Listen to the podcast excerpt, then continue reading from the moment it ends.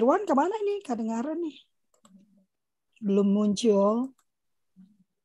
Jangan-jangan keluar kota aja. Iya kemarin. Tadi pagi sudah bagikan link sih, tapi kok belum muncul. Berarti sehat itu aja. Buat saya yang penting sehat. iya. Oke, sudah live kita ya.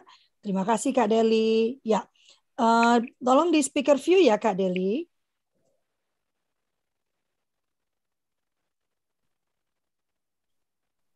Ya, oke okay, kita mulai ya. Selamat pagi sahabat suluh keluarga. Uh, kita bertemu lagi di Kultur Parenting Pagi edisi Thank God It's Friday. Ya, oh ini dia panjang umurnya baru ditanyakan sudah muncul kita sapa dulu kali ya. Selamat pagi Kak Irwan. Baru kita omongin ke mana Kak Irwan ini. Wah, beneran dalam perjalanan. Mau ke mana kak? Ganteng bener. Ke Siat, Siat, Dogi Angkatan Darat. Oh, yang kemarin mau pertemuan itu ya? Ya kan, eh, organisasi psikologi TNI kan berkembang, jadi ada yang bintang dua cewek kayak gitu. Oh. Eh, gitu. Nah, oh. mengawakinya gimana kan kita harus bahas itu. Ya, sesepuh juga sumbang saran. Oh. Saya nitip saya nitip proposal deh habis ini aku kirim ya. Coba tahu bisa jadi ini. Oke, kita ulang lagi, kita mulai ya. Selamat pagi sahabat kultur parenting pagi. Uh, sorry sahabat suluh keluarga, kita bertemu kembali dalam kultur parenting pagi edisi hari Jumat tanggal 28 Januari tahun 2022. Sepertinya ini kultur parenting oh enggak, masih ada 31 Januari ya Dokter Bagus ya. Uh, untuk di bulan Januari ya. Terus terang saya agak kesulitan menemukan pembicara di bulan Januari ya. Karena kan harusnya PTM terjadi nih di bulan-bulan ini ya. Tapi eh, kemudian Omikron meningkat ya. Beberapa sekolah yang saya tahu menunda eh, PTM-nya. Saya sih tetap berharap ditunda ya sampai benar-benar aman gitu dokter bagus ya harusnya ya. Uh, kita menguatkan uh, apa menguatkan posisi di rumah gitu sehingga nanti anak-anak waktu masuk sekolah itu sudah benar-benar nggak masuk nggak jadi lagi. Mau masuk lagi nggak jadi lagi. Kasihan juga anak-anak sebetulnya ya. Karena tidak seperti kita ya proses adaptasinya cukup besar ya cukup lama ya. Dia baru beradaptasi udah ada di sekolah lagi. Eh nggak jadi lagi gitu ya. Adaptasi lagi di rumah. Saya sih lebih mengajak teman-teman memperkuat uh, hubungan dan fondasi yang ada di dalam rumah sehingga nanti uh, apa uh, di mana pun dia berada dia akan lebih kuat dan pagi ini karena Kak Irwan ternyata ada di jalan, Dokter Bagus ada di airport, nggak mungkin dong saya mintain jadi moderator saya. ya, saya akan berperan ganda. Untungnya ada uh, Kak Deli yang bisa mengendalikan uh, apa uh, YouTube dan juga uh, Zoom kita ya. Oh, saya lupa saya Instagram juga ya, karena saya pikir ini sesuatu yang uh, makin ngetren tapi kalau tidak dipahami secara tepat tata aturannya, ini nanti menimbulkan permasalahan dan akhirnya anak-anak kita yang eh, menjadi korbannya, gitu ya.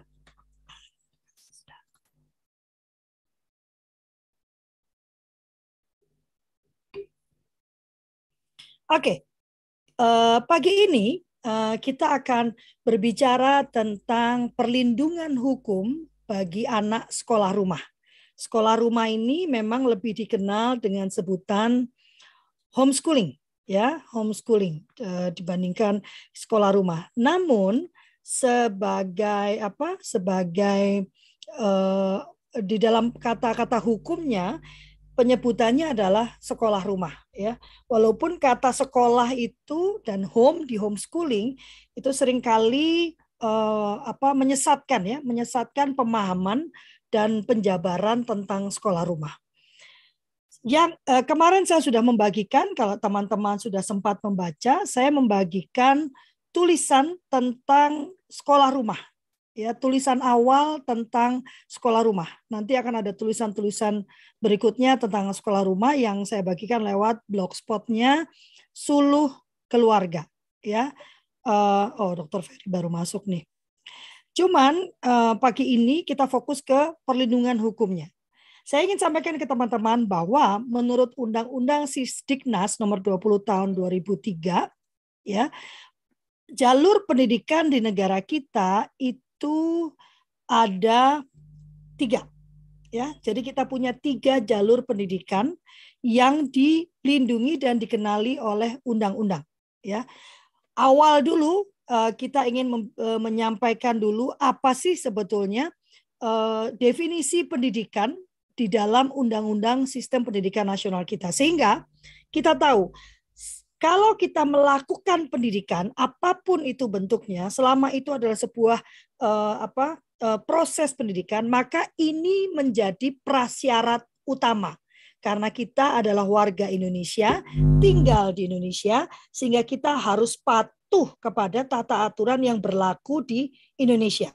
Ya ini penting patuh pada tata aturan. Karena apabila kemudian tata aturan itu kita anggap kita pandang membelenggu atau kurang tepat atau bahkan melanggar tata aturan yang lainnya maka seyogyanya kita tidak melakukan pelanggaran tetapi kita mengadvokasi ya atau bahkan mengambil jalur hukum untuk melakukan perubahan. Ya nah eh, menurut pasal bab 1 pasal 1 dari Undang-Undang Sisdiknas nomor 20 tahun 2003, pendidikan adalah usaha sadar dan terencana untuk mewujudkan suasana belajar dan proses pembelajaran agar peserta didik secara aktif mengembangkan potensi dirinya untuk memiliki kekuatan spiritual keagamaan, pengendalian diri, kepribadian, kecerdasan, akhlak mulia, serta keterampilan yang diperlukan dirinya, masyarakat, bangsa, dan negara. Ya, bahwa sebuah pendidikan adalah usaha sadar dan terencana, ya, untuk mewujudkan suasana belajar dan proses pembelajaran. Ini penting sekali ya.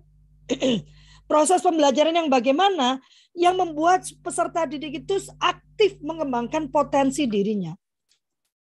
Sehingga kalau Anda mau melakukan apa pun bagi saya, menjadi orang tua itu juga menjadi bagian dari sistem pendidikan nasional. Mengapa? Karena kita mendidik. Orang tua itu kan tugas utamanya melakukan pendidikan terhadap anak-anaknya. Sehingga waktu dia melakukan pendidikan, maka dia masuk ke dalam ini bahwa itu adalah usaha sadar dan terencana. Jadi orang tua pun itu terencana dan sadar melakukannya. Bukan ups gitu ya. Nah, Eh, sehingga waktu kita melakukan pendidikan, kita perlu bahwa ini adalah usaha yang sadar dan terencana. Bentuk perencanaan pendidikan kalau di dalam pendidikan formal, di dalam pendidikan itu adalah kurikulum. Ya, dan terencana artinya bukan hari ini mau ngapain ya, Dek? Oh, ya kita begini ya atau Dek, hari ini mama sangat sibuk jadi mama tidak bisa ber, ber, ber, apa eh, belajar dengan adik. Adik uh, free time gitu ya. Itu namanya bukan usaha sadar dan terencana. Itu namanya pe, uh, penelantaran pada hak anak atas pendidikan. Yang lainnya buka camp dong. Aku jadi kayak ngomong sama tembok nih. Nah, Kak Vivi. ini jadi kayak ngomong sama tembok. Ini ada orangnya enggak sebetulnya gitu ya. Hai Kak Desem ya. Ini perlu dipahami. Nah, dokter bagus, temenin dong ya kan. Nah, kemudian bagaimana dengan uh, uh, uh, jalur pendidikan di Indonesia? Yang perlu dipahami ini karena kalau saya bicara jalur pendidikan, lalu satu sama lain merasa bahwa mereka ini sedang bersaing. Perlu dipahami bahwa di dalam uh, uh, apa bab satunya juga disebutkan bahwa uh, sistem pendidikan adalah seluruh komponen pendidikan yang saling terkait secara terpadu untuk mencapai tujuan pendidikan nasional ya. Jadi ini adalah satu satu kesatuan sistemik. Ini satu kesatuan sistemik itu adanya di keterangan penjelasan tentang undang-undang Sisdiknas. Ya, Kak Feni, terima kasih. Ya, sementara jalur pendidikan itu menurut Undang-Undang Sisdiknas ada tiga. Nah, ini perlu dipahami ya.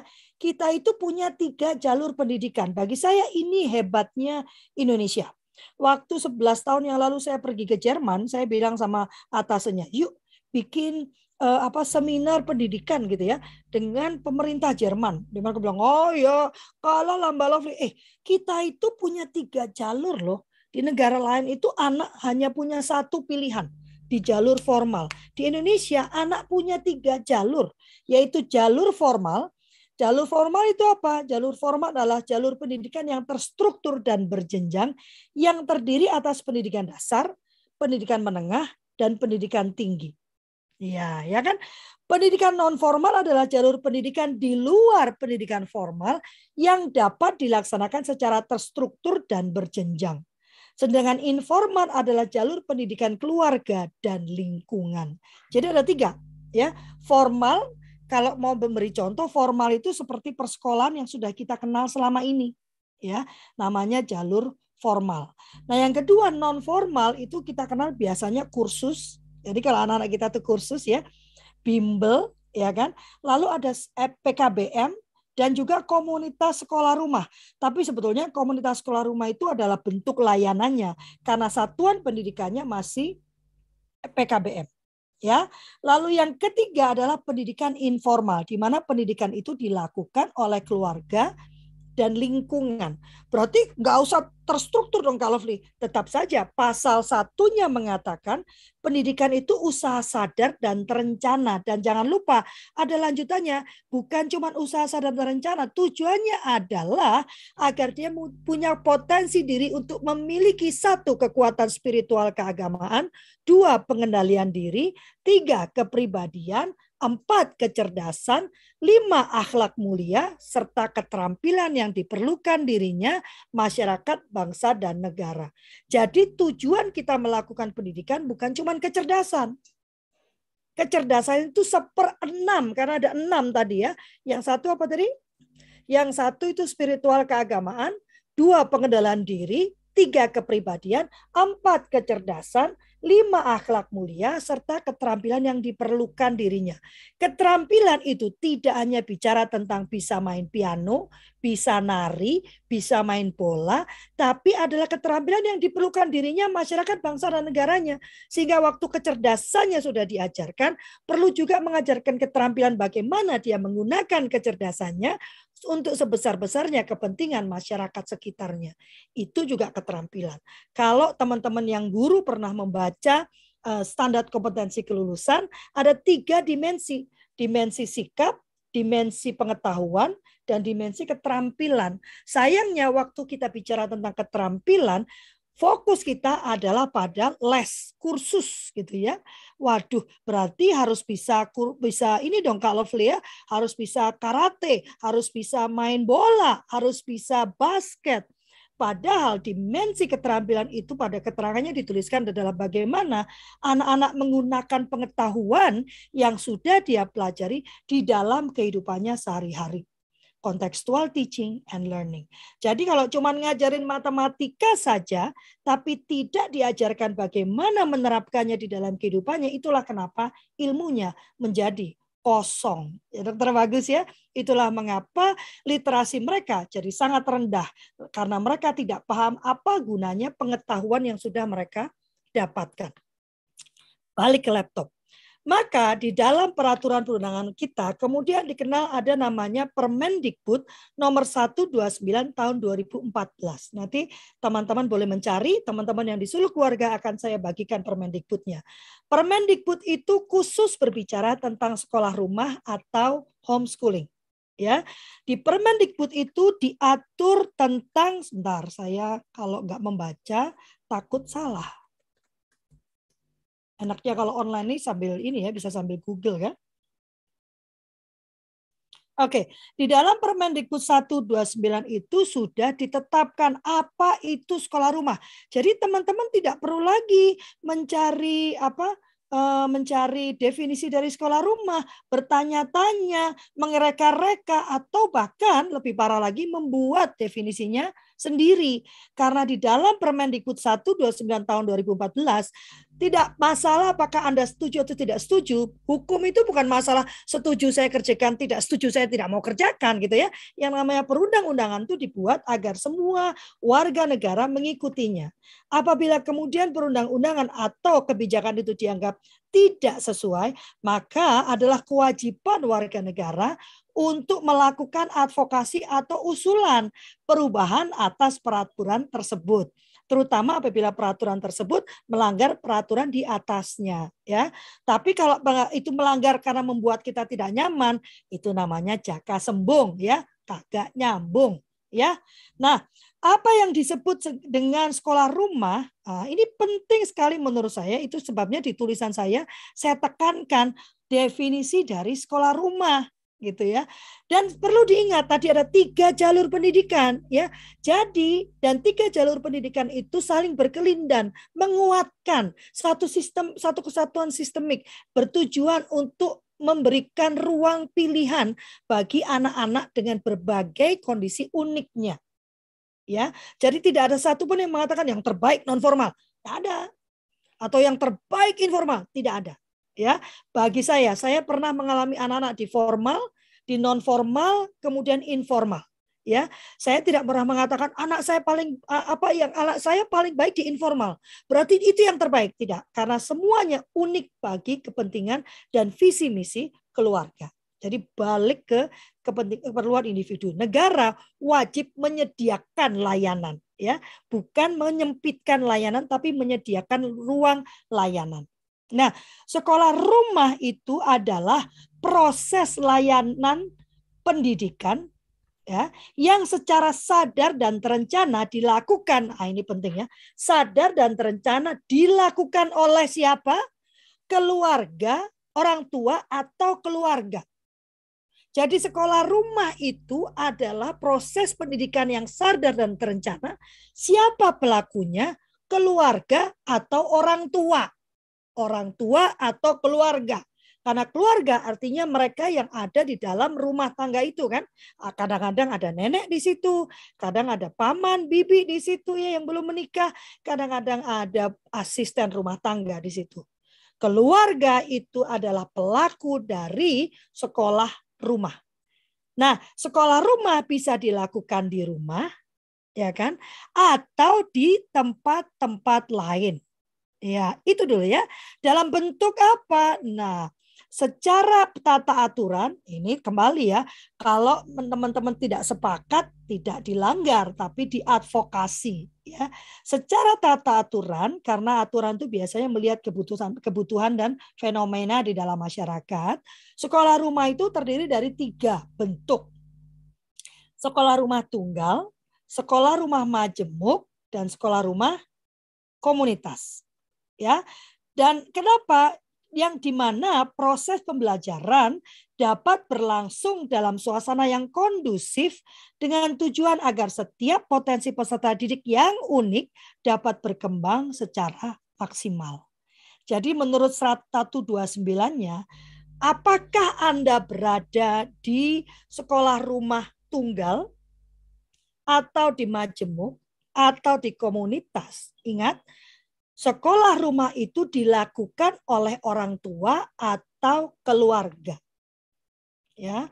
Nah, kita lihat apa itu sekolah rumah tunggal menurut Permendikbud 129. Karena kalau Anda tidak sesuai dengan Permendikbud 129, tidak sesuai dengan undang-undang Sisdiknas, maka Anda di luar perlindungan negara.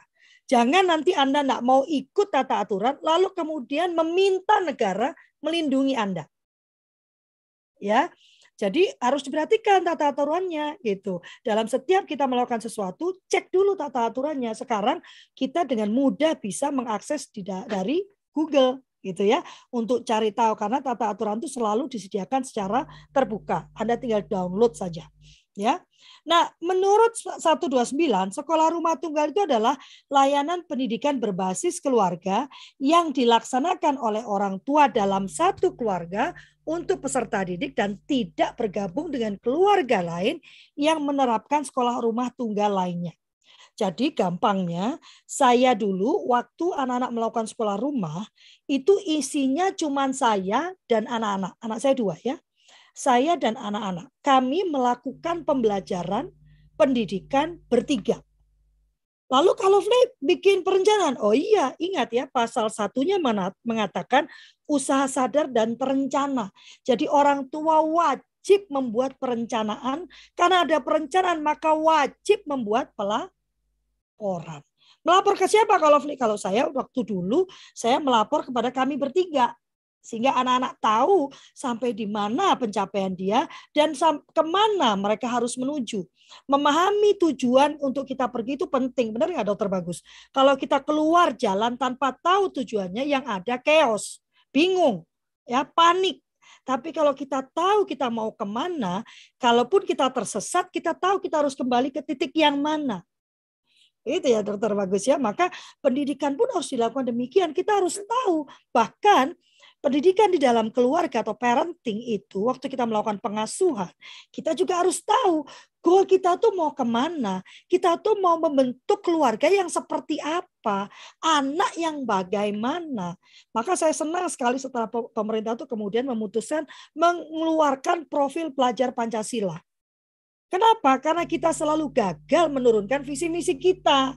Kita sibuk dengan proses dan capaian akademik atau kecerdasan ya lalu ngomel anak-anak anak-anak sekarang ini ya anak zaman sekarang ini kacau deh anak zaman sekarang tuh tidak punya empati anak zaman sekarang itu nggak punya nggak bisa mengambil keputusan gitu Padahal di dalam tujuan pendidikan kita, kita tidak pernah mencantumkan semua itu. Sehingga dalam prosesnya kita kurang mementingkan pem, pem, apa, kepemenuhan keterampilan tersebut.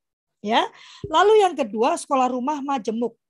Sekolah Rumah Majemuk adalah layanan pendidikan berbasis lingkungan yang diselenggarakan oleh orang tua dari dua atau lebih keluarga lain dengan melakukan satu atau lebih kegiatan dan pembelajaran bersama dan kegiatan pembelajaran inti tetap dilaksanakan di dalam keluarga.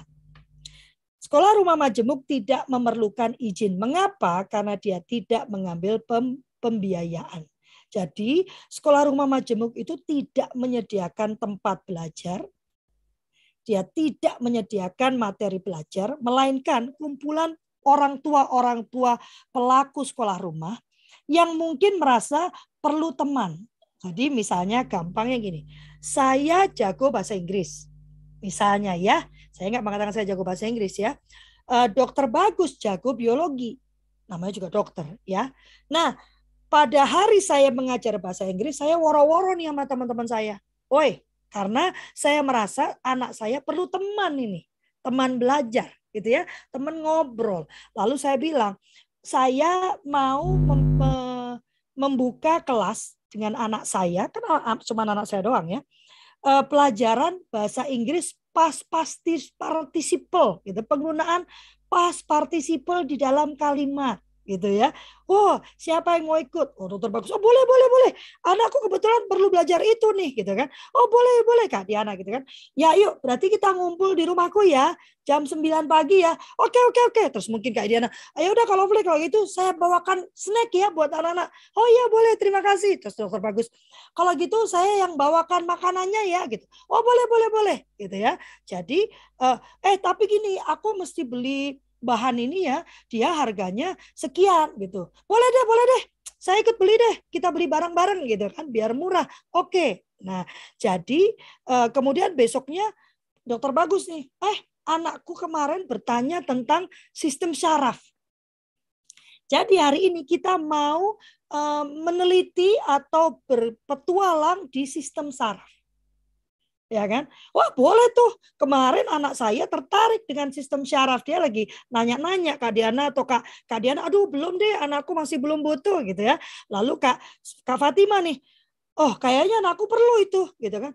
Boleh deh, kapan dok? Gitu. Kita mau bikinnya lusa nih jam sekian. Oh boleh deh, cuman aku tuh perlu menyediakan ini kalau memang perlu bantuan. Kalau enggak, enggak apa-apa udah beres. Itu bahan dari bahan gua kok enggak perlu beli lagi gitu kan. Oh kalau gitu saya bawakan makanan siang deh biar anak-anak seneng. Boleh boleh, makasih kalau beli gitu kan Kak Fatima. Saya bawakan minuman ringan ya kebetulan saya lagi bikin ini nih. Boleh boleh boleh gitu ya. Jadi majemuk itu adalah sekelompok orang tua yang kemudian berkumpul ya untuk bersama-sama eh, mengajar anak-anak mereka Oke? Okay? Nah, kemudian yang ketiga, nah ini yang saya kerjakan ya, adalah sekolah rumah tunggal. Mana tadi?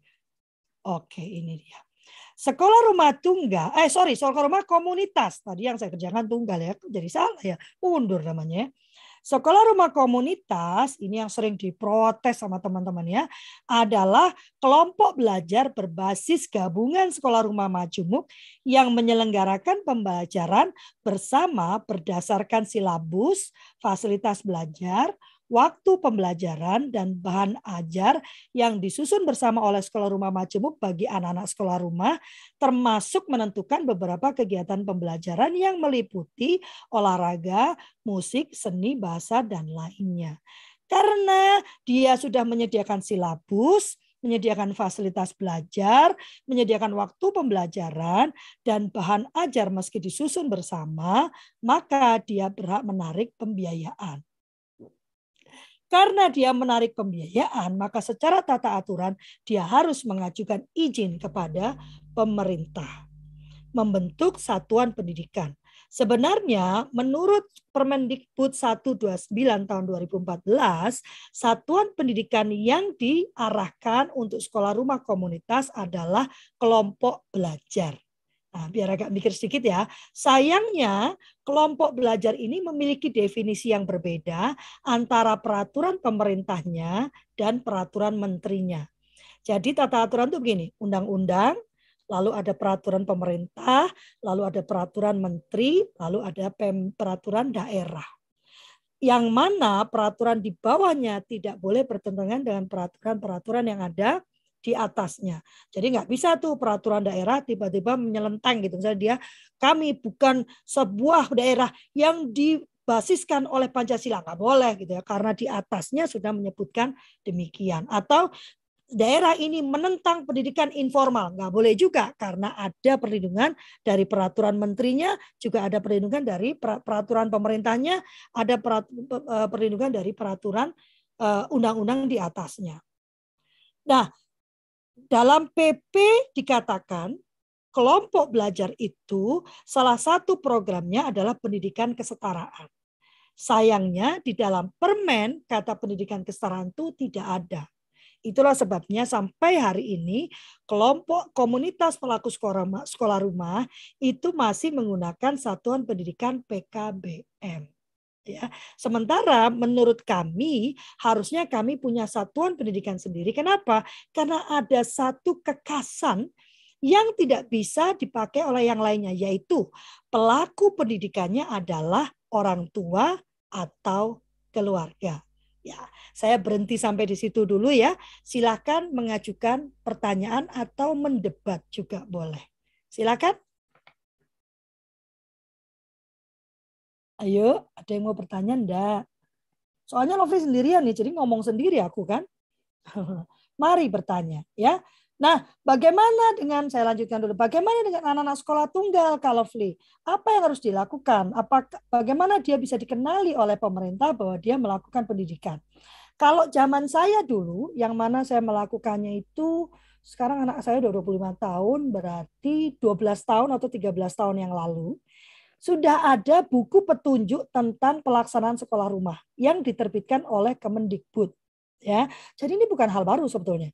Di dalam buku tersebut dikatakan bahwa pelaku sekolah rumah tunggal mereka harus mendaftarkan, mendatakan dirinya, sorry, mendatakan dirinya ke Diknas setempat. Ya, saya dulu mendatakan diri di UPTD Pondok Gede karena rumah saya di Pondok Gede. Ya, yang harus dilakukan oleh uh, keluarga tersebut yaitu menyerahkan akte ya kan dan ijazah terakhir kalau ada dari anaknya dan surat pernyataan. Ya dan kakak keluarga surat pernyataan yang menyatakan bahwa kalau anaknya di bawah 13 tahun keluarga tersebut menyatakan bahwa dia melakukan pendidikan anaknya secara mandiri. Ya jadi ada surat pernyataannya di atas materai saya tanda tangan gitu ya eh, bertanggung jawab gitu ya Lalu kalau anaknya sudah usia 13 tahun, maka anak tersebut membuat surat pernyataan bahwa dia memutuskan untuk melakukan sekolah rumah. Sama di atas materai diketahui oleh orang tuanya. ya orang tuanya yang di atas materai dianya belum bisa kan masih 13 tahun tapi dia membuat surat pernyataan artinya di usia 13 tahun tuh hak suaranya ya. Bahkan sudah diakui oleh pemerintah karena dia e, menuliskan sendiri keputusannya. Kemudian alurnya adalah nggak berhenti di situ.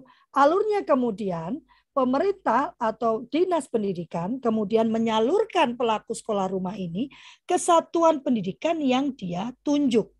Jadi sebetulnya zaman dulu pun seharusnya anak-anak saya itu karena nomor induk siswa itu bukan baru. Itu sudah dari zaman bahela gitu ya, zaman dulu kala. Cuman kalau sekarang itu uh, di, uh, dikendalikan lewat Dapodik yang mana lebih bagus ya. Kalau zaman dulu namanya nomor induk satuan nomor induk siswa nasional yang dilaporkan secara manual dan dituliskan secara manual ya. Dan nanti eh, sebetulnya PK satuan pendidikan yang ditunjuk oleh pemerintah untuk menjadi payung kami itu memberikan nomor induk siswa dan kami harus melaporkan ya kan? Apa yang sudah kami lakukan termasuk perencanaannya kepada satuan pendidikan tersebut. Sayangnya dulu itu tidak terjadi. Meskipun saya membuat RPP, saya buat dokter bagus. Jadi walaupun saya sendirian dan saya ibu rumah tangga, ya eh, saya bekerja ya, tapi menurut saya perempuan itu bekerja tidak bekerja ya dia ibu rumah tangga. Emang ibu rumah tangga jadi pembantunya kan enggak kan? Tetap ibu rumah tangga kan. Jadi saya kurang suka tuh distintif antara ibu rumah tangga, ibu berkarir. Ibu ya ibu gitu kan. Cuman apa yang dia kerjakan itu yang menjadi pembedanya. Kok perempuan aja di kotak-kotak gitu ya. Nah, saya tetap harus membuat rencana pembelajaran. Mengapa? Karena itu kewajiban saya sebagai pelaku penyelenggara pendidikan dan saya menyelenggarakan pendidikan untuk anak-anak saya. Menurut Undang-Undang Sisdiknasnya dikatakan saya wajib membuat perencanaan. Demikian juga saya wajib membuat pelaporan apakah dari perencanaan itu anak-anak mencapai dan apakah pencapaiannya sudah sesuai dengan permintaan dari kurikulum yang kami pilih. Kami memang selalu memilih kurikulum nasional. Walaupun kemarin Pak Ali bilang, coba Mbak Lovely, cari di semua uh, aturan perundangan dan kebijakan. Tidak ada kata kurikulum nasional Mbak Lovely. Gitu. Karena sebetulnya itu menjadi kemerdekaan. Ya, Nah kalau sekarang anak-anak itu karena nomor induk siswanya ada di Dapodik, ya maka anak-anak ini harus didatakan atau didaftarkan ke satuan pendidikan sejak awal. Mengapa? Karena Dapodik itu dia akan melihat satu usia, jadi percepatan tidak bisa. Mohon maaf, di negara kita tidak mengenali percepatan hanya kalau anak itu e, memang layak untuk percepatan, artinya dia punya IQ yang superior ya, sangat tinggi gitu ya, maka dia masuk ke dalam uh, uh, masuk ke dalam pendidikan khusus ya. Jadi pendidikan khusus itu tidak hanya bicara tentang anak berkebutuhan khusus yang di kiri, yang di kanan juga yang berkelebihan itu juga masuk dalam ranah pendidikan khusus sehingga nanti dia uh, apa uh, uh, apa uh, dilindungi di situ haknya ya untuk percepatan. Tapi di negara kita untuk untuk reguler tidak dikenal namanya percepatan. Ya, sehingga nanti Dapodik itu ngecek usia dan yang kedua lama belajar Makanya mendatakan anak sejak awal itu sangat penting. Karena kalau anak didatakan di kelas 6, maka dianggapnya oleh sistem dia baru belajar satu tahun. Sehingga dia tidak eligible untuk melakukan ujian. Kasihan kan anaknya? ya saya sendiri masih berjuang karena saya mengatakan pada Depdikbud kan jalur pendidikannya tiga kenapa Dapodiknya cuma mengenali dua saya minta supaya yang informal uh, bisa dikenali juga di dalam Dapodik. Ya kan? Saya juga mendorong pemerintah membuat uh, lembaga evaluasi evaluation center sehingga anak-anak yang tunggal ini tidak perlu merapat ke PKPM tapi dia bisa langsung ujian di uh, uh, uh, tempat ujian yang ditunjuk oleh pemerintah atau dibentuk oleh pemerintah gitu ya sehingga benar-benar tiga jalur pendidikan itu dihargai oleh pemerintah ini ada pertanyaan ya. Um, Bagaimana manajemen waktunya kalau sebagai ibu bekerja dan guru di rumah? Saya belum bisa bayangin. Nah, jadi teman-teman harus bedakan antara saya menjadi pelaku sekolah rumah dan saya menjadi guru yang mengajar. Karena sekolah rumah itu bukan belajar mengajar, ya, tapi sebuah pendidikan. Kalau pendidikan tuh holistik. Nah, di dalam sekolah rumah itu saya boleh bermitra. Nah, tapi pelaku utamanya adalah orang tua ya. Jadi bedanya tipis ini Betty ya, beda tipis gitu ya. Oh, ini ada yang nanya di ini. HS itu Kak Betty, kalau dia bunda, ini bunda kan bunda, kalau dia melakukannya secara tunggal atau antara ibu dan anak-anaknya atau keluarganya saja, itu namanya informal.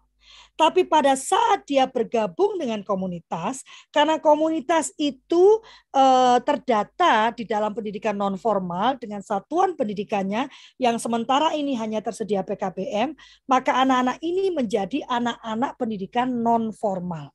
Bukan masih, karena kalau masih itu berarti belum. Ya, kalau belum berarti ada tingkatan informal dulu, non formal, yang tertinggi formal. Ini sebetulnya sejajar karena satu kesatuan sistemik kalau menurut undang-undang Sisdiknasnya. Ini bukan kata Lovely ya, ini kata undang-undang Sisdiknasnya. Satu kesatuan sistemik jadi non formal, formal, informal itu sejajar. Dia saling melengkapi. Artinya apabila anak ini ya tidak bisa dilayani oleh pendidikan formal. Kenapa? Ya, macam-macam. Mungkin ini anak yang bekerja ya karena kita nggak aduh child labor nggak boleh kalau free pada pada dasarnya kita memang nggak boleh tapi pemenuhan hak orang dewasa mendapatkan pekerjaan belum 100% di Indonesia. Pemenuhan hak keluarga untuk penghidupan yang layak belum 100% di Indonesia. Sehingga ada anak-anak yang terpaksa belajar. Makanya di dalam undang-undang eh, pekerja kita ya eh, apa cipta kerja diatur anak itu bolehnya berapa kali berapa jam kalau usia-usia tertentu ada aturannya gitu ya untuk mengakomodir kondisi di masyarakat. Gitu kan. Nah, nanti anak-anak ini mungkin bisa di non formal. Informal loh, ibunya kan sibuk pontang-manting, dia juga nggak punya latar belakang akademik yang cukup itu kan. Nah, makanya dibutuhkan bantuan dari non formal. Jadi di Indonesia juga sangat unik gitu ya.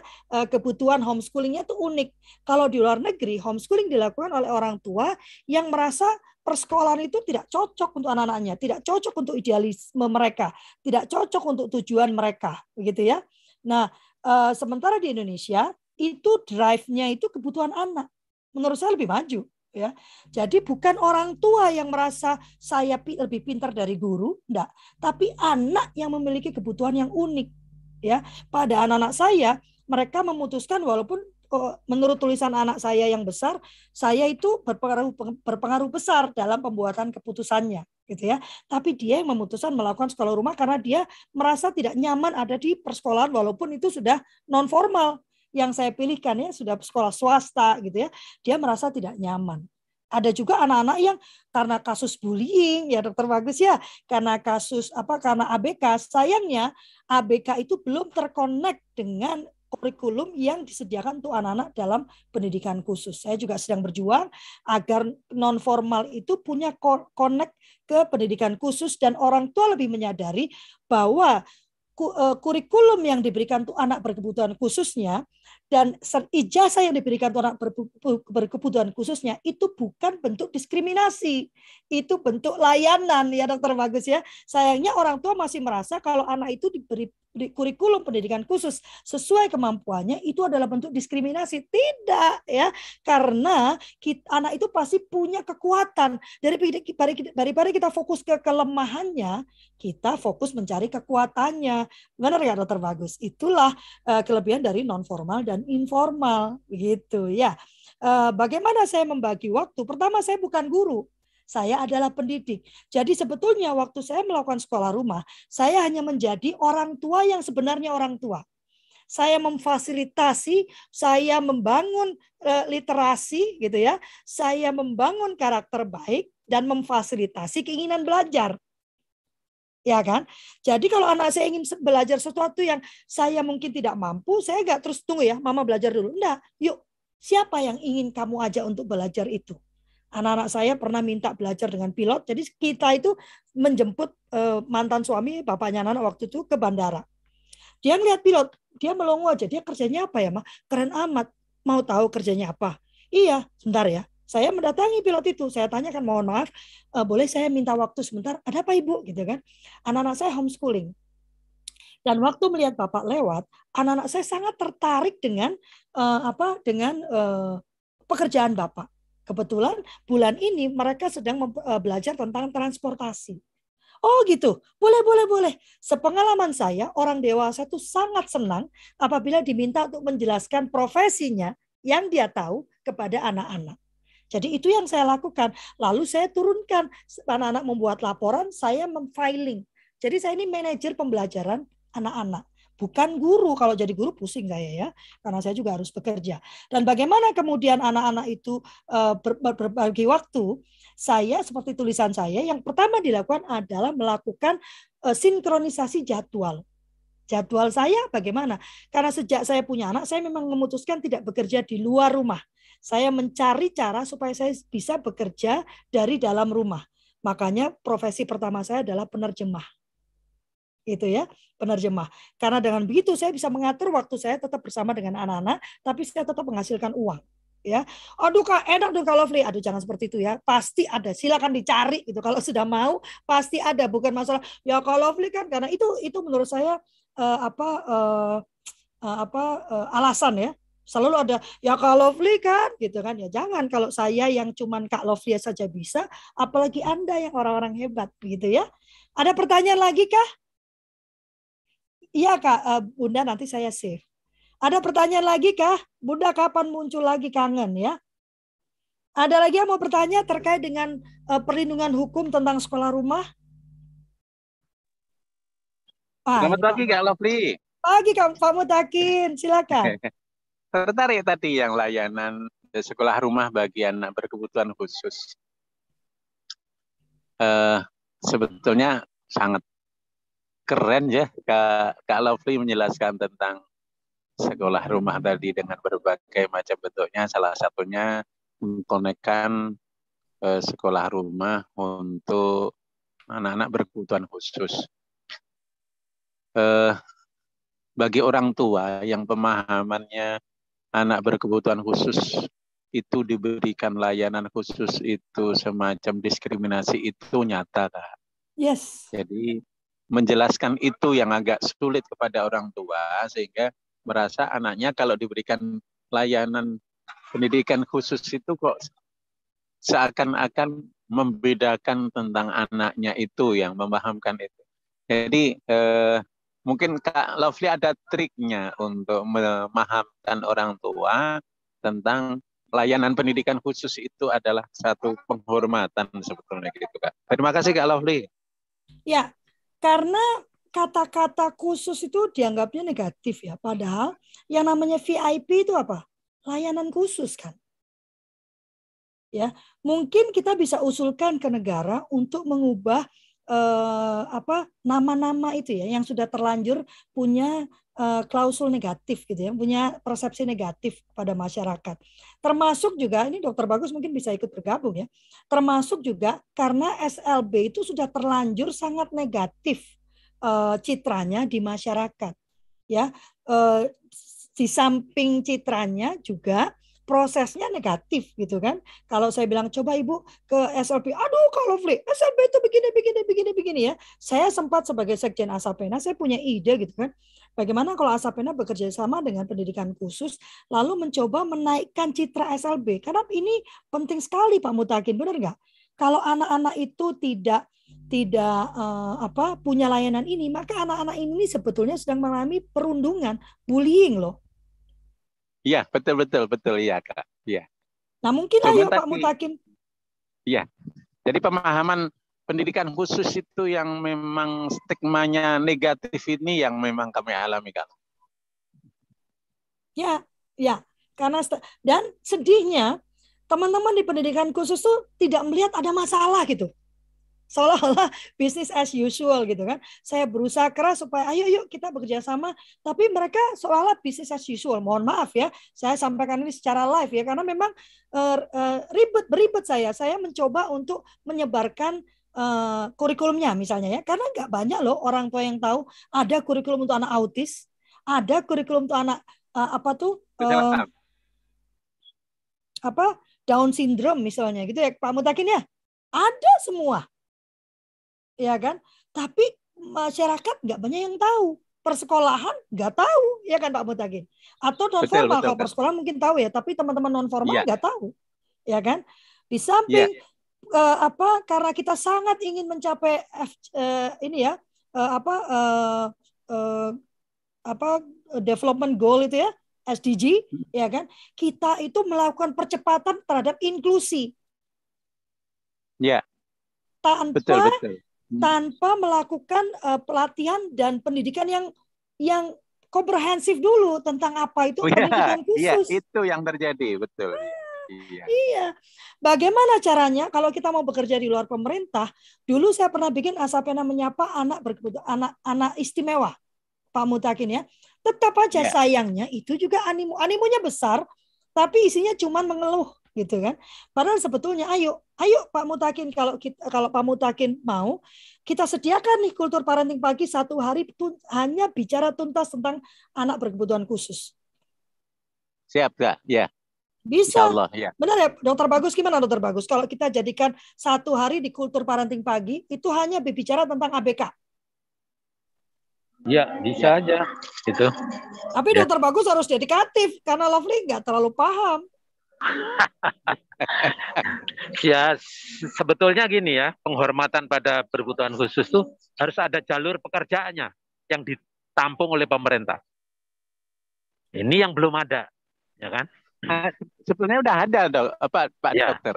Di hmm. undang-undangnya sudah ada di 16. Ya. ya. Tetapi memang di uh, implementasinya yang agak sulit. Kurang ya? jangankan ya. di uh, uh, jangankan di swasta, di pemerintah sendiri saja itu masih uh, ada terbatas, ya? kepentingan. Ya? Hmm. Ah, bukan bukan terbatas, Pak. Uh, Pak, kepentingan yang sulit menjelaskan. Artinya di kasus di termasuk di Solo yang kemarin seorang tunanetra yang sudah yang akhirnya kan naik ke pengadilan kemarin dibantu iya. di difasilitasi dari rekan-rekan uh, itu sampai eh, alhamdulillah bisa menang di Aceh kami uh, ada yang tunanetra lulus di yeah. Iya. uh, PNS jadi gagal karena uh, dinyatakan wow. uh, dalam kondisi tidak bisa melihat tidak bisa membedakan warna waduh ini yang pemahaman yang seperti ini masih menggejala di seluruh Indonesia Pak Dokter ya jadi gini kan harus spesifikasinya dibuat gitu di aturan pegawai negerinya gitu yang tidak menggunakan oh. mata dan sebagainya itu harus ada oh iya iya gitu iya, iya. Nah, nah kominfo oh, ini sedang iya, iya, iya. ya kominfo hmm. sedang me, apa merancang itu kominfo ini sekarang kominfo sudah merancang makanya ada apa uh, dirjen bakti itu yang ada bakti baktinya itu merancang itu oh itu. iya iya iya iya Ya kita Dan juga informasi aja. informasi tambahan Kominfo terus terang eh, departemen yang sangat-sangat aware sekali dengan eh, penyandang disabilitas akhir-akhir ini kan menyelenggarakan lomba untuk eh, desain dari tunanetra dan anak-anak kami ikut serta di situ dan itu memberikan motivasi luar biasa Pak Dokter. Iya. Kominfo angkat salut ya. Jadi Kominfo itu meminta masukan sebetulnya. Monggo oh, gitu, nih Pak Mutakin memberikan masukan, memberikan masukan. Ya terutama SLB, SLB semua di Indonesia memberi masukan ke Kominfo. Sehingga oh, nanti baik, Kominfo, baik, ya jadi Kominfo nanti memberikan clue-clue untuk pekerjaan-pekerjaan yang harus disediakan di semua departemen. Gitu. Ini oh, baik, usul baik. saya begini, ayo kapan kita kita ngo, apa ngumpul bareng nih ya kan? Kita buat position paper. Kalau masukannya itu cuma dalam bentuk email satu persatu, kalau dalam bentuk position paper kita lihat proses perundangan yang ada, lalu kita jabarkan apa yang menjadi usulan kita, saya rasa itu lebih bagus kan? Pak Mutakin yeah. kita atur waktu ya, yeah. dokter bagus ya kita ngobrol siap, siap. Kalau, ya. dan kita ya, buat ya. roadmap ya. kalau perlu apa yang perlu kita lakukan nih ke depan ya kalau kita melihatnya adalah paradigma yang masih keliru maka acara-acara seperti ini nih yang paling oke okay ya lalu kita buat acara-acara uh, apa untuk anak-anak ini misalnya mereka menampilkan kemampuannya ya yang bisa uh, karena saya gini loh kita tuh perlu mengalihkan uh, fokus orang tua ya kan karena fokus orang tua tuh benar-benar di kecerdasan ya hanya itu saja? Gitu. Karena itu saya ya. masih ragu-ragu nih teman-teman di Asapena meminta saya membuat uh, uh, apa kegiatan-kegiatan uh, kayak uh, apa Olimpiade Matematika. Olimp sementara saya itu ingin orang tua tuh tidak fokus ke sana gitu loh. Bukan itu saja loh, hidup itu tidak bicara tentang matematika doang. Hidup itu nggak bicara tentang apa bahasa Inggris yang nilainya 100. Hidup itu bicara ya. tentang sesuatu yang holistik gitu loh. Kalau ya. saya lalu terjun di dalam, saya masih mikir aja, masih merenung ya, apakah saya mau menggerakkan itu? Karena nanti juga yang kerja saya saya juga kan, gitu kan. Nah, apakah saya mau mengarah ke sana ke gerakan itu? Bergerak itu kan nggak cuma populer lalu dapat orang banyak duitnya banyak gitu ya. Bergerak itu bagi saya harus membawa idealisme tertentu gitu, membuat perubahan gitu kan. Ya kan, udah nggak dapat duit nggak bikin perubahan kan rugi bandar dua kali saya. Benar nggak ya.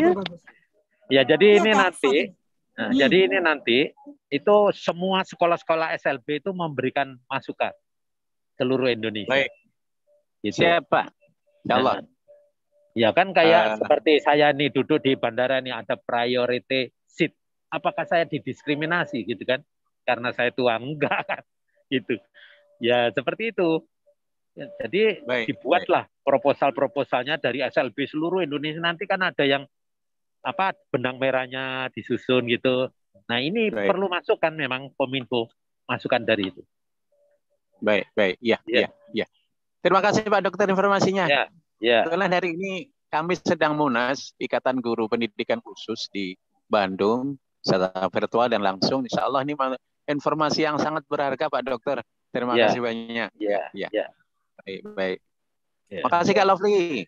Ya, ayo saya jangan berhenti di sini ya. Ayo kita wujudkan itu ya, terutama Baik. pendidikan non formal informal untuk anak-anak. Karena uh, saya gemes sudah ngelihatnya ya. Lalu anak-anak ini kemudian dibantu ujiannya. Nah itu mah itu bukan itu tidak me, apa ya, tidak me, menghargai menurut saya, tidak iya. memanusiakan yeah.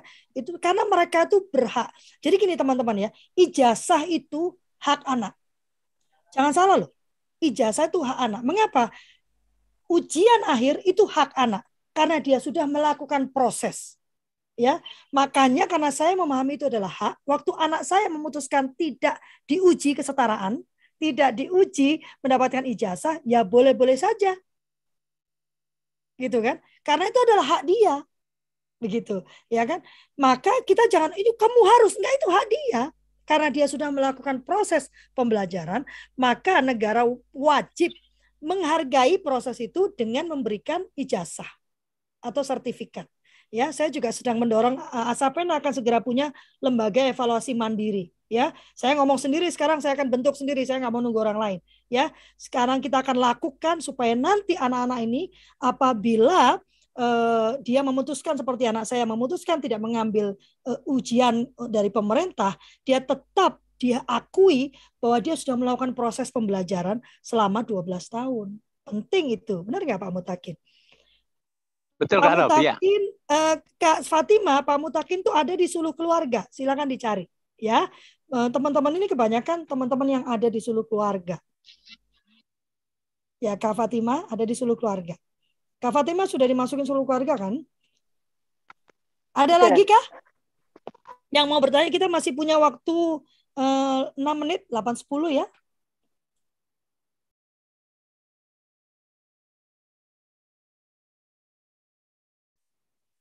Ada lagi yang mau Kak Diana silakan.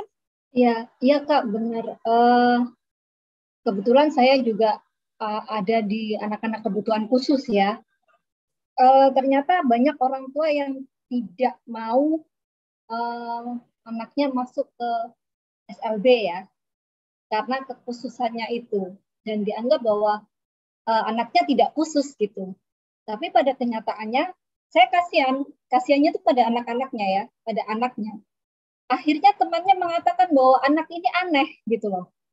Nah, itu kalau anaknya sih nggak masalah ya, anaknya nggak tahu itu apa kata aneh gitu ya. Tetapi orang tua yang mendengar itu akan menjadi shock gitu ya kak ya.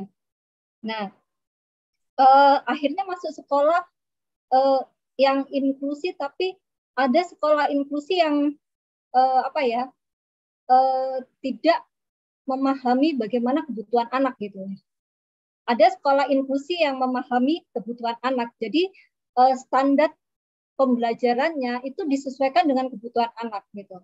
Nah, yang kasihan, yang kasihan itu uh, kalau standar pembelajarannya tidak disesuaikan dengan kebutuhan anak, maka anak itu uh, merasa tertekan gitu loh kak. Nah, hmm. ini kadang-kadang memang perlu apa ya wawasan terhadap orang tua, maksudnya masuk ke sekolah-sekolah ya, uh, bagaimana sekolah maksudnya sekolah reguler dan menerima anak ABK. Kadang-kadang anak anak-anak ABK ini juga ditolak karena uh, sekolah memang tidak mempunyai standar standar pembelajaran. Itu menurut saya wajar, bukan terus harus oh dipaksa harus masuk gitu terus akhirnya anaknya tertekan, orang tuanya tertekan, akhirnya cari sekolah yang lain gitu loh kak. Jadi ini memang uh, harus ada uh, kalau di tempat kami ada beberapa sekolah yang sudah ditunjuk menjadi sekolah inklusi. Tapi itu kuotanya terbatas. Jadi kasihan kan yang yang mau masuk terus tidak mendapatkan tempat sekolah gitu. Nah ini yang uh, memang perlu ya kak ya uh, apa ada ada wawasan ya wawasan bagaimana uh, standar sekolah inklusi uh, apa namanya dan apa orang tua juga sadar bahwa anaknya emang berkebutuhan khusus dan harus masuk sekolah khusus yang sudah disiapkan pemerintah gitu. Ada bahkan yang tunanetra tapi tidak mau masuk sekolah SLB. Jadi kadang-kadang kebingungan juga ya sekolah yang tidak mem memiliki guru apa eh, tunanetra gitu loh. Apalagi braille memang mereka berbicara ke auditori ya. Eh, kalau mereka kan kalau tunanetra ke auditori ya eh, nggak masalah. Tapi pada waktu menulis apa itu kan kesulitan juga gurunya. Ini yang perlu diberi apa uh, wawasan juga orang tuanya juga gitu. Tidak hanya uh, sekolah saja gitu kan. Ya, ya. itu kan. Ya. ya. Uh, Dokter Bagus mau ya. mau ya. silakan. Ya. Saya kasih masukan. Nah, soal inklusi nih ya, soal inklusi. Itu kan ada integrasi, ya kan? Nah, ini harus dibedakan. Ketika SD atau TK ke SD itu bisa inklusi kan, karena gurunya guru tunggal. Mungkin guru mapelnya cuma sedikit. Ketika di SMP itu integrasi, karena tidak bisa semua pelajaran yang dia dapat bisa diikutin. Jadi hanya beberapa dan yang lain-lainnya di, dijalurkan ke prestasi. Ya. Nah kemudian anak-anak ini setelah tahu prestasinya langsung masuk di kejuruan menjadi inklusi lagi di kejuruan. Makanya saya mendukung adanya kejuruan-kejuruan yang bermacam-macam karena anak-anak apa ABK ini bisa masuk di sana gitu. Nah, sehingga nanti nah ini yang menjadi tujuan saya ketika bakti itu bakti yang di Kominfo meminta dapat itu dari sini. Jadi anak-anak ini terhormat semua itu. Jadi orang tua nggak usah takut-takut. Jadi ada integrasi, ada inklusi. Jadi kalau di SMP itu kan SMP nggak ada kejuruan kan sekarang semua umum kan. Nah itu namanya integrasi. Jadi hanya beberapa mata pelajaran, yang lainnya ke jalur-jalur prestasi. Nah jalur prestasi ini ketika naik ke jenjang yang lebih lanjutnya langsung ke kejuruan. Nah sudah, tidak ada masalah kan masuk di kejuruan. Toh yang dibutuhkan nanti anak itu mandiri dengan kemampuan-kemampuan yang dia punyain gitu. Saya kira itu kalau Flay ya masukannya. Jadi ada sebetulnya ada yang bagus juga ya.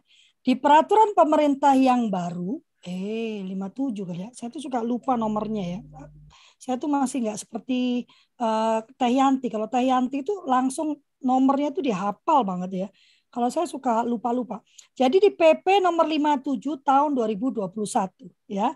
Jadi PP ini mengatur tentang standar nasional pendidikan. Dia mengganti PP tentang standar nasional pendidikan yang lama. Tapi standar nasional pendidikan juga sedang dibuatkan peraturan menterinya oleh Pak Menteri ya. Karena dia harus menyesuaikan dengan PP yang baru ini ya.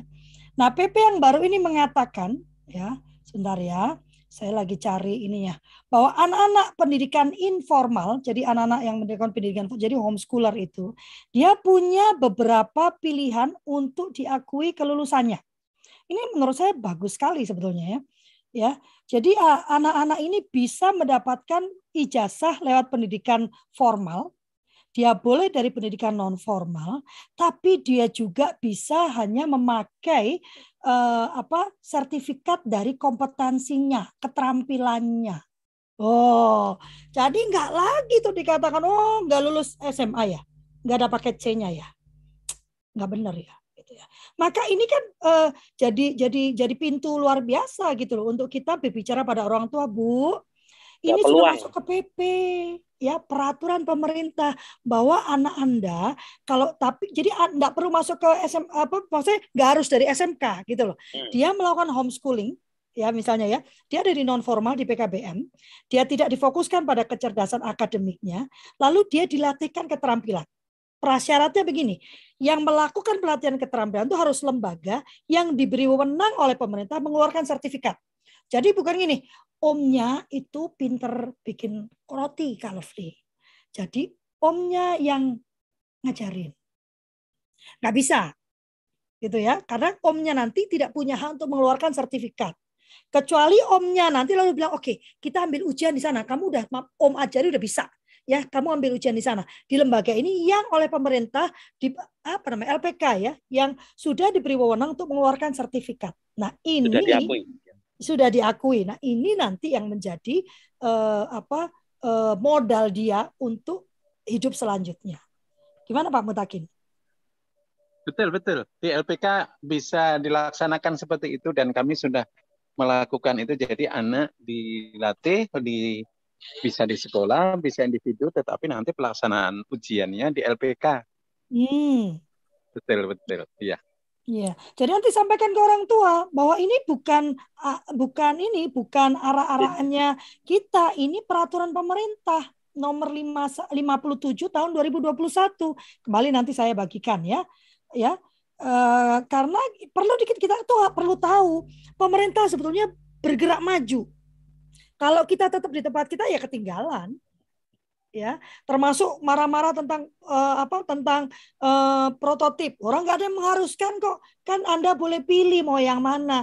K13 boleh uh, apa prototipe boleh. Tapi yang paling penting anda diberi kemerdekaan untuk menyusun kurikulum satuan pendidikan sesuai dengan karakteristik dan kebutuhan anak didik di tempat anda. Jadi nggak penyeragaman. Anak di Jakarta sama ada di Papua sama. Enggak mereka punya karakternya berbeda-beda. Mereka punya kebutuhan berbeda-beda, mereka punya kekuatannya masing-masing. Jadi nanti luar biasa nih. Info LPK yang bisa mengeluarkan sertifikat mungkin dicari di lamannya uh, Dekdikbud ya Kak ya. Uh, sesuai dengan ininya ya, sesuai dengan LPK-nya ya. Saya rasa mereka punya ya daftarnya ya. Uh, ya. Ya. Oke, sudah jam 8 lebih 13. Kak Irwan mau menyampaikan sesuatu? Dari tadi buka kamera udah ganteng banget kakakku ini pamer aja nih pamer tuh. Iya, dari tadi. Keren kan? Oh, oh. Jadi kalau jam segini selain berbagi juga enak outdoor. Oh. Ini juga bagian dari pendidikan alam. Gak ada Kak Firly. Terima kasih. Luar biasa tadi saya tetap nyimak kok. Sukses. Terima kasih Kak Irwan. Ya. Jadi teman-teman, saya mengajak teman-teman untuk rajin-rajin mengunduh eh, apa peraturan perundangan PP permen yang Anda butuhkan supaya Anda tahu gitu ya. Kayak kemarin kita bicara operet bicara tentang hak pengasuhan ya kan, bicara tentang uh, apa uh, kewajiban pembiayaan. Ternyata dia undang-undangnya ada gitu. Tapi kalau kita nggak tahu, dengan mudah kita dipermainkan. Ya, perundangan itu ada untuk menjadi perlindungan bagi kita ya. Kalau ternyata perundangan itu jadi perlindungan, ayo sama-sama kita advokasi, gitu ya Pak Mutakin ya. Bukan dilanggar, begitu ya. Ya. Uh, terima kasih banyak atas pagi yang luar biasa ini. Ya, kita akan foto, foto bersama. Kak Albert sudah jadi homeschooling anaknya? Saya hitung ya Kak Deli ya. Satu, dua, tiga. Ayo, satu, dua, tiga. Kak Deli, kau udah bilang ya? Sudah. Oh udah, oke. Pak Mutakin nanti uh, saya kontak ya. Nanti kita coba uh, dedikasikan satu hari untuk ABK dari Kultur Parenting Pagi. Jadi nanti Pak baik, Mutakin baik, kalau bersedia menjadi moderatornya. Jadi lebih membumi gitu karena Pak Mutakin tahu betul masalah di lapangan kan. Nah, nanti kita sambil bersama-sama cari narasumbernya. Begitu ya. Terima kasih banyak teman-teman. Saya mohon maaf apabila ada pernyataan perkataan yang kurang berkenan eh, atau gestur yang kurang berkenan. Saya tidak ingin menghina, tidak ingin menghakimi, tidak ingin menggurui. Saya hanya ingin membagikan apa yang menjadi keyakinan saya dan yang saya kerjakan dalam kehidupan saya sehari-hari. Hati-hati Dokter Bagus. Selamat meeting Kak Irwan. Selamat bekerja Pak Mutakin. Wassalamualaikum warahmatullahi wabarakatuh. Tuhan memberkati. Terima kasih Kak Lovely. Terima kasih. Dan semuanya. Tuhan berkati. Kasih Sita kok diam aja, sehat Kasih Sita. Terima kasih Kak Lili. Terima kasih. Terima kasih Dokter Bagus, hati-hati ya. ya. Sehat Kak, sehat. Slide. Saya sehat Kak, Lovely. Ya. Saya Ayo kapan semuanya. kita mau ketemuan? Uh, besok bisa nggak Kak? Besok udah penuh. Besok sudah penuh. Hari iya, ini? besok habis hari dari ini? Dari ini hari ini juga penuh. Astaga, Gaya ya. Gaya banget ya. Besok Hari dari apa ke bisa? Bekasi Senin. malam. Keren. Kita atur lagi ya. Oke, siap ya. Nah, Thank you ya. Luar biasa hari ini. Masukannya. Keren. Moga-moga memberi ini memberi pencerahan. Amin, amin, amin. Terima kasih Kak. Terima kasih.